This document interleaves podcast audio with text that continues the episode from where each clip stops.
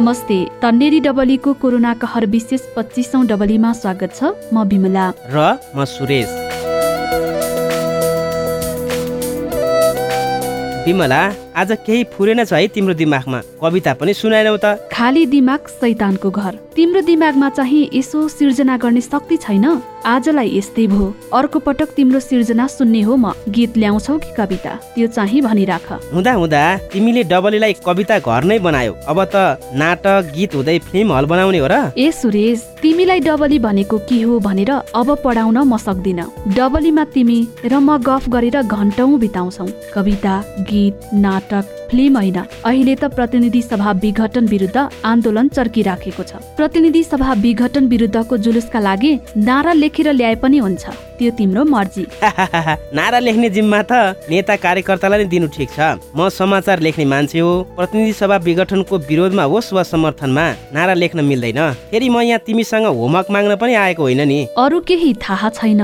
यो चाहिँ तिमीलाई आज होमवर्क नै भयो। ल ल म होमवर्क गरौँला रे। अनि समाचार चाहिँ कसले लेख्छ? नि। अचम्म। के तिमी बिहान उठेदेखि मध्यरातसम्म समाचार नै मात्र लेखेर बस्ने हो र? मेरो मन बुझाउन भए पनि थोरै समय निकाल न। सिकाउनु पर्छ र उमेरमा सबै मान्छे कवि हुन्छन् रे विमला। म चाहिँ कहिले कवि हुन सकिनँ? त्यसैले लभ पनि परेन। त्यो त तिमीले मलाई भन्नुभन्दा अगाडि नै मान्छे देखेर थाहा पाएको थिए हो मैले त। त्यही लभ नपरेर त फ्याट्टै मागी विवाह गरेको होला नि। कि कसो? भो भो विमला अब भ्यालेन्टाइन डे मनाउन लागेको जसरी गर्लफ्रेन्ड बोय फ्रेन्ड लभ र बिहेको कुरा नगर। बरु कुन विषयमा छलफल गर्ने हो त्यतातिर लाग न ल ठिक छ। आज चाहिँ मैले कोरोना कहरको लकडाउन अवधिमा सुरक्षाकर्मीको जिम्मेवारी र मेहनतका विषयमा कुरा गर्ने सोच बनाएकी छु। राम्रो कुरा गर्यौ सुरक्षाकर्मीको जिम्मेवारीमा रहेपछि जोखिम आयो भनेर भाग्न मिल्दैन विमला अनि मेहनत त हुने नै भयो नि। जुनसुकै जिम्मेवारीमा खटिएको भए पनि सबैजनाका परिवार हुन्छन्। ज्यानको चिन्ता उनीहरूलाई पनि हुन्छ। रोग लागोस् भन्ने त कसलाई लाग्छ र। कोरोना कहरको समयमा दैनिक बिस घण्टासम्म ड्युटी गर्ने सुरक्षाकर्मी पनि छन्। उनीहरूलाई त सम्मान गर्नुपर्छ म त सुरक्षाकर्मीको सधैँ सम्मान गर्छु विमला हेर। तर मान्छेको कामको मूल्याङ्कन उसको जिम्मेवारी अनुसार हुनुपर्छ।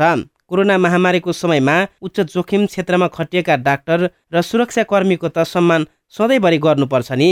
त्यही त भनेको नि सुरेश। सयौं साथीहरू त्यही ठाउँमा सुरक्षा दिँदा दिँदै संक्रमित भएको थाहा हुँदाहुँदै त्यही दैनिक बिस घण्टासम्म सुरक्षा दिनुपर्ने बाध्यता हुने यस्तो कामको त सम्मान गर्नै पर्छ। त्यसमाथि सुरुका दिनमा सुरक्षा सावधानी अप्नाउन कुनै सुविधा पनि त थिएन। ती दिनका दुःख त विमला काठमाडौँमा बस्नेलाई भन्दा बढी नेपाल भारत सीमा क्षेत्रमा बस्ने नागरिक र त्यहाँ खटिएका सुरक्षा कर्मीलाई नै थाहा हुन्छ नि। नेपाल प्रहरीको तथ्याङ्क अनुसार अहिलेसम्म संयौंमा प्रहरीमा कोरोना संक्रमण पुष्टि भएको छ। जसमध्ये दर्जनौले ज्यान गुमाएका छन्। सरकारले लकडाउनको घोषणा गरेपछि अरू सबै घरभित्र बस्दा उनीहरू त सडकमा निस्कन र लकडाउन उल्लङ्घन गर्नेलाई कारवाही गर्न खटिनु पर्यो। भारतमा कोरोना फैलिएपछि दैनिक लाखौंको संख्यामा नेपाली स्वदेश फर्किए त्यसको व्यवस्थापन कम जटिल थिएन। जोखिम क्षेत्रमा जानु उनीहरूको बाध्यता पनि भयो। त्यसैले त सुरुका दिनमै देशभरका प्रहरी क्याम्पमा कोरोना फैलियो नि।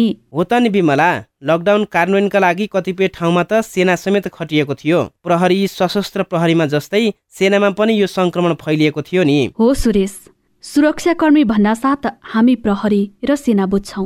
नेपाली सेनाको सञ्चार निर्देशनालयका अनुसार सेनाको पाँच हजार एक सय बिस अधिकारी संक्रमित हुँदा दुईजनाले ज्यान गुमाएका छन्। नेपाल सरकारले कोरोनाले मृत्यु भएकाको व्यवस्थापनको जिम्मा समेत सेनालाई नै दियो। सेनाले संकटको समयमा जोखिमपूर्ण कामलाई कुशलतापूर्वक सम्पन्न गरेको छ। हो त नि विमला कोरोनाले ज्यान गुमाएका मान्छेको छेउमा जानै हुँदैन छुनै हुँदैन निश्चित दूरी कायम गरेर मात्र हेर्न मिल्छ भन्ने त्रास हुँदा हुँदै सेनाले सब व्यवस्थापनमा देखाएको तत्परतालाई त सलाम गर्नै पर्छ।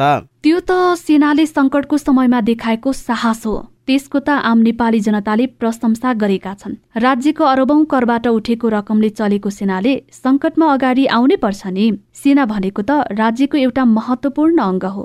जब जोखिम आइलाग्छ तब सेना आइपुग्छ अनि सबै ढुक्क हुन्छन्। यो त समाजको एउटा भरोसाको केन्द्र पनि हो नि। सुरक्षा कर्मीका वीरताका कुरा गरेर कहिल्यै सकिँदैन विमला अब चाहिँ डबलीमा भोगाइ पो सुन्ने हो कि? भइहाल्छ नि। आज हामीसँग कोरोना महामारी सुरु भएपछि सीमा क्षेत्रमा खटिएका सुरक्षाकर्मी मध्ये एकजना प्रहरीको प्रतिनिधि भोगाई छ। त्यही सुनौ है। भइहाल्छ नि। बरु पहिला भन न त्यो भोगाई चाहिँ कसको हो? यो भोगाई चाहिँ प्रहरी निरीक्षक गोपाल जङ राय माझीको हो। कोरोना कहर सुरु हुँदै गर्दा गत वर्ष चैतमा उनी जिल्ला प्रहरी कार्यालय सुर्खेतमा थिए। वीरेन्द्रनगर कर्णाली प्रदेशको राजधानी भएकाले पनि उनको ड्युटी चर्को थियो। कर्णाली प्रदेशबाट रोजगारीका लागि भारत पुगेका धेरै मानिस फर्किने लहर सुरु भएपछि उनीहरू दैनिक बिस घण्टासम्म ड्युटी गर्थे। यो भोगाई साथी दिनेश गौतमले तयार पार्नु भएको हो। यसलाई सुनाउँदै हुनुहुन्छ साथी शिवनाथ यादवले। One seven eco controller Roger left side आउनुहोस् है रोजर चार्लीहरू चैत एघार गतेदेखि लकडाउन सुरु गरिसकेपछि लकडाउन कार्यान्वयन गराउनको लागि हामीलाई जिल्लाबाट खटाइएको थियो। तत्काल एसपी र डिएसपी हुनुहुन्थेन र त्यस बेला लकडाउनको पालना गराउन हामी आफू नै खट्यौँ। वीरेन्द्रनगर कर्णाली प्रदेशको राजधानी त्यसैमाथि पनि अन्य जिल्लाका मानिसहरू पनि पढाइ र रोजगारीको सिलसिलामा कोठा भाडा लिएर बस्ने हुनाले यहाँको जनसङ्ख्या अलि धेरै नै छ। फेरि भारतमा पनि लकडाउन सुरु भएको हुँदा अब कर्णाली प्रदेशबाट रोजगारी लागि बाहिर गएकाहरू फर्कन सक्ने सम्भावना धेरै थियो। त्यसैले पनि त्यति बेला हामीसँग मानवीय स्रोतको अभाव हुने हो कि भन्ने कुरा मेरो मनमा थियो। यहाँ हामी दुईजना इन्सपेक्टर मात्र थियौँ।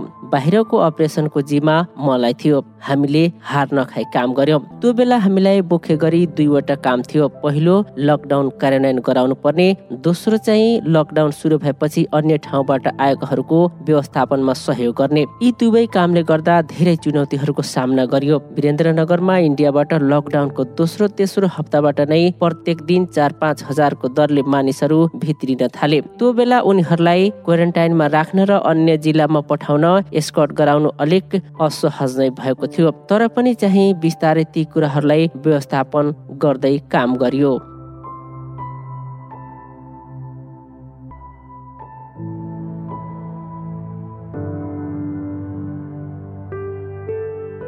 हामीले क्वारेन्टाइन व्यवस्थापनमा पनि पालिकाहरूसँग समन्वय गरेर काम गर्यौँ पालिकाले स्कुल कलेजलाई क्वारेन्टाइनको रूपमा प्रयोग गर्न खोज्दा समुदायका मानिसले अवरोध गर्नुभयो। उहाँहरूले तालचा लगाउनु भयो हामीले केही ठाउँमा त तालचा फोडेर पनि काम गर्यौँ कतिपय वाडामा जनप्रतिनिधिले नै हाम्रो वाडाका भन्दा अन्तका मान्छेले राख्न दिँदैनौ भनेर अवरोध पनि गर्नुभयो। सुरुमा हामीसँग स्वास्थ्य सुरक्षा सामग्रीको निकै अभाव थियो। हामीसँग जे छ त्यही प्रयोग गरी आफ्नो सुरक्षा गरी काममा खट खट्यौँ एउटै मास्क कति दिनसम्म प्रयोग गरेर पनि काम गरियो त्यतिखेर। हामी बिहान पाँच बजेदेखि राति एक बजेसम्म खटिएका थियौँ।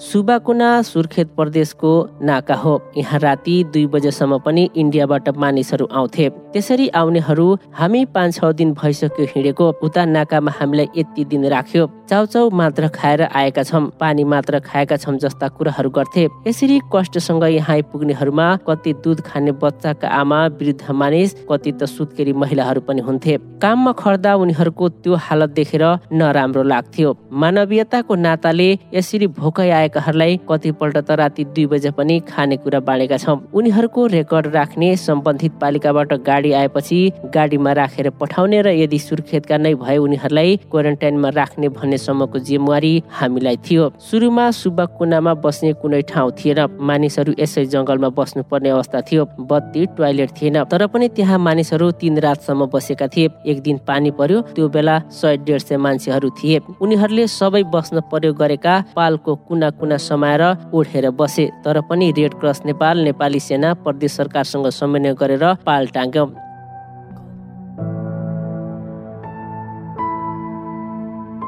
छोटो समयमा नै हामीले टोयलेट पानी बत्ती र वाइफाईको पनि व्यवस्था गर्यौँ सुबा कुनामा भएका सुर्खेत वरपरका मानिसहरूलाई लैजानु सुरुमा त गाडीको व्यवस्थापनमै समस्या भयो। हामीले लैजाने गाडी व्यवस्थापन गर्न नसकेर सुर्खेत वरपरकाहरूलाई टिपर ट्र्याक्टरमा हालेर समेत पठायो। मानिसलाई टिपर ट्र्याक्टरमा हाल्नु हुँदैन भन्ने कुरा थाहा थियो तर पनि गाडीको व्यवस्थापन गर्न नसकेर बाध्यताले त्यसो गर्नु परेको स्थिति आयो। त्यो बेला गाडी कसले व्यवस्थापन गर्ने भन्नेमा नै म्यानुअल थियो तर पछि गाडीको व्यवस्थापन प्रदेश सरकारले गर्यो। बिस्तारै इन्डियाबाट आउने मान्छे कम हुँदै गए अनि व्यवस्थापन सामान्य हुँदै गयो। हामीलाई तेस्रो मुलुकबाट आएका मान्छेहरूको व्यवस्थापनमा भने समस्या भएन।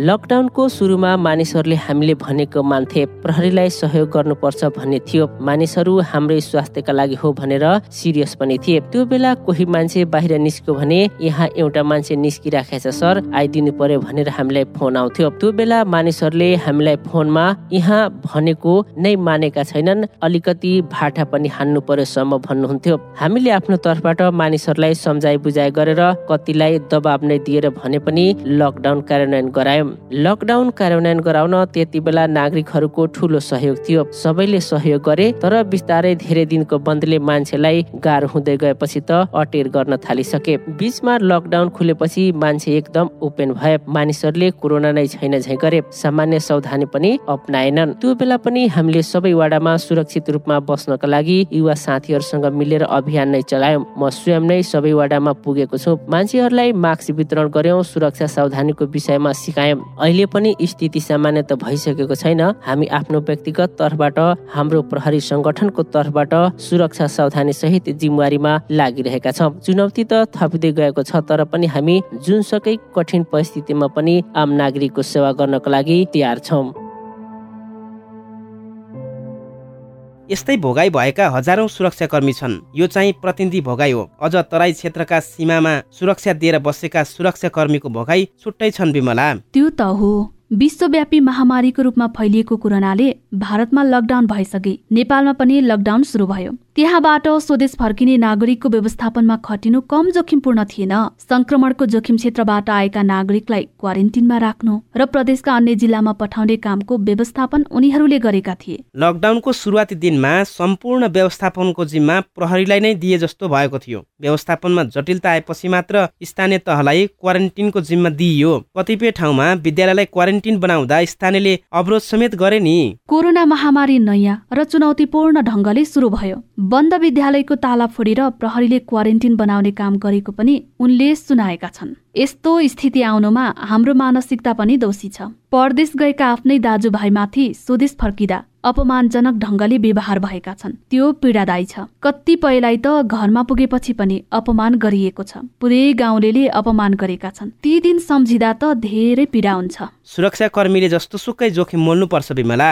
मैले अघि पनि भनिसकेँ नि सुरुका दिनमा सुरक्षा साधनका रूपमा मास्क समेत पाउन कठिन थियो। त्यति बेला भारतबाट नेपाल प्रवेश गर्ने सुर्खेतको सुब्बा कुना सीमामा आइपुगेका नेपालीका दुःख देखेर सुरक्षासँगै खानाको व्यवस्था गर्न पनि प्रहरी नै खटेका थिए नि। त्यसरी स्वदेश फर्किने नेपालीहरू भारतीय नाकामा बनेका अस्थायी क्वारेन्टिनमा बस्दा खाना नपाएर धेरै त बिरामी पनि भएका थिए।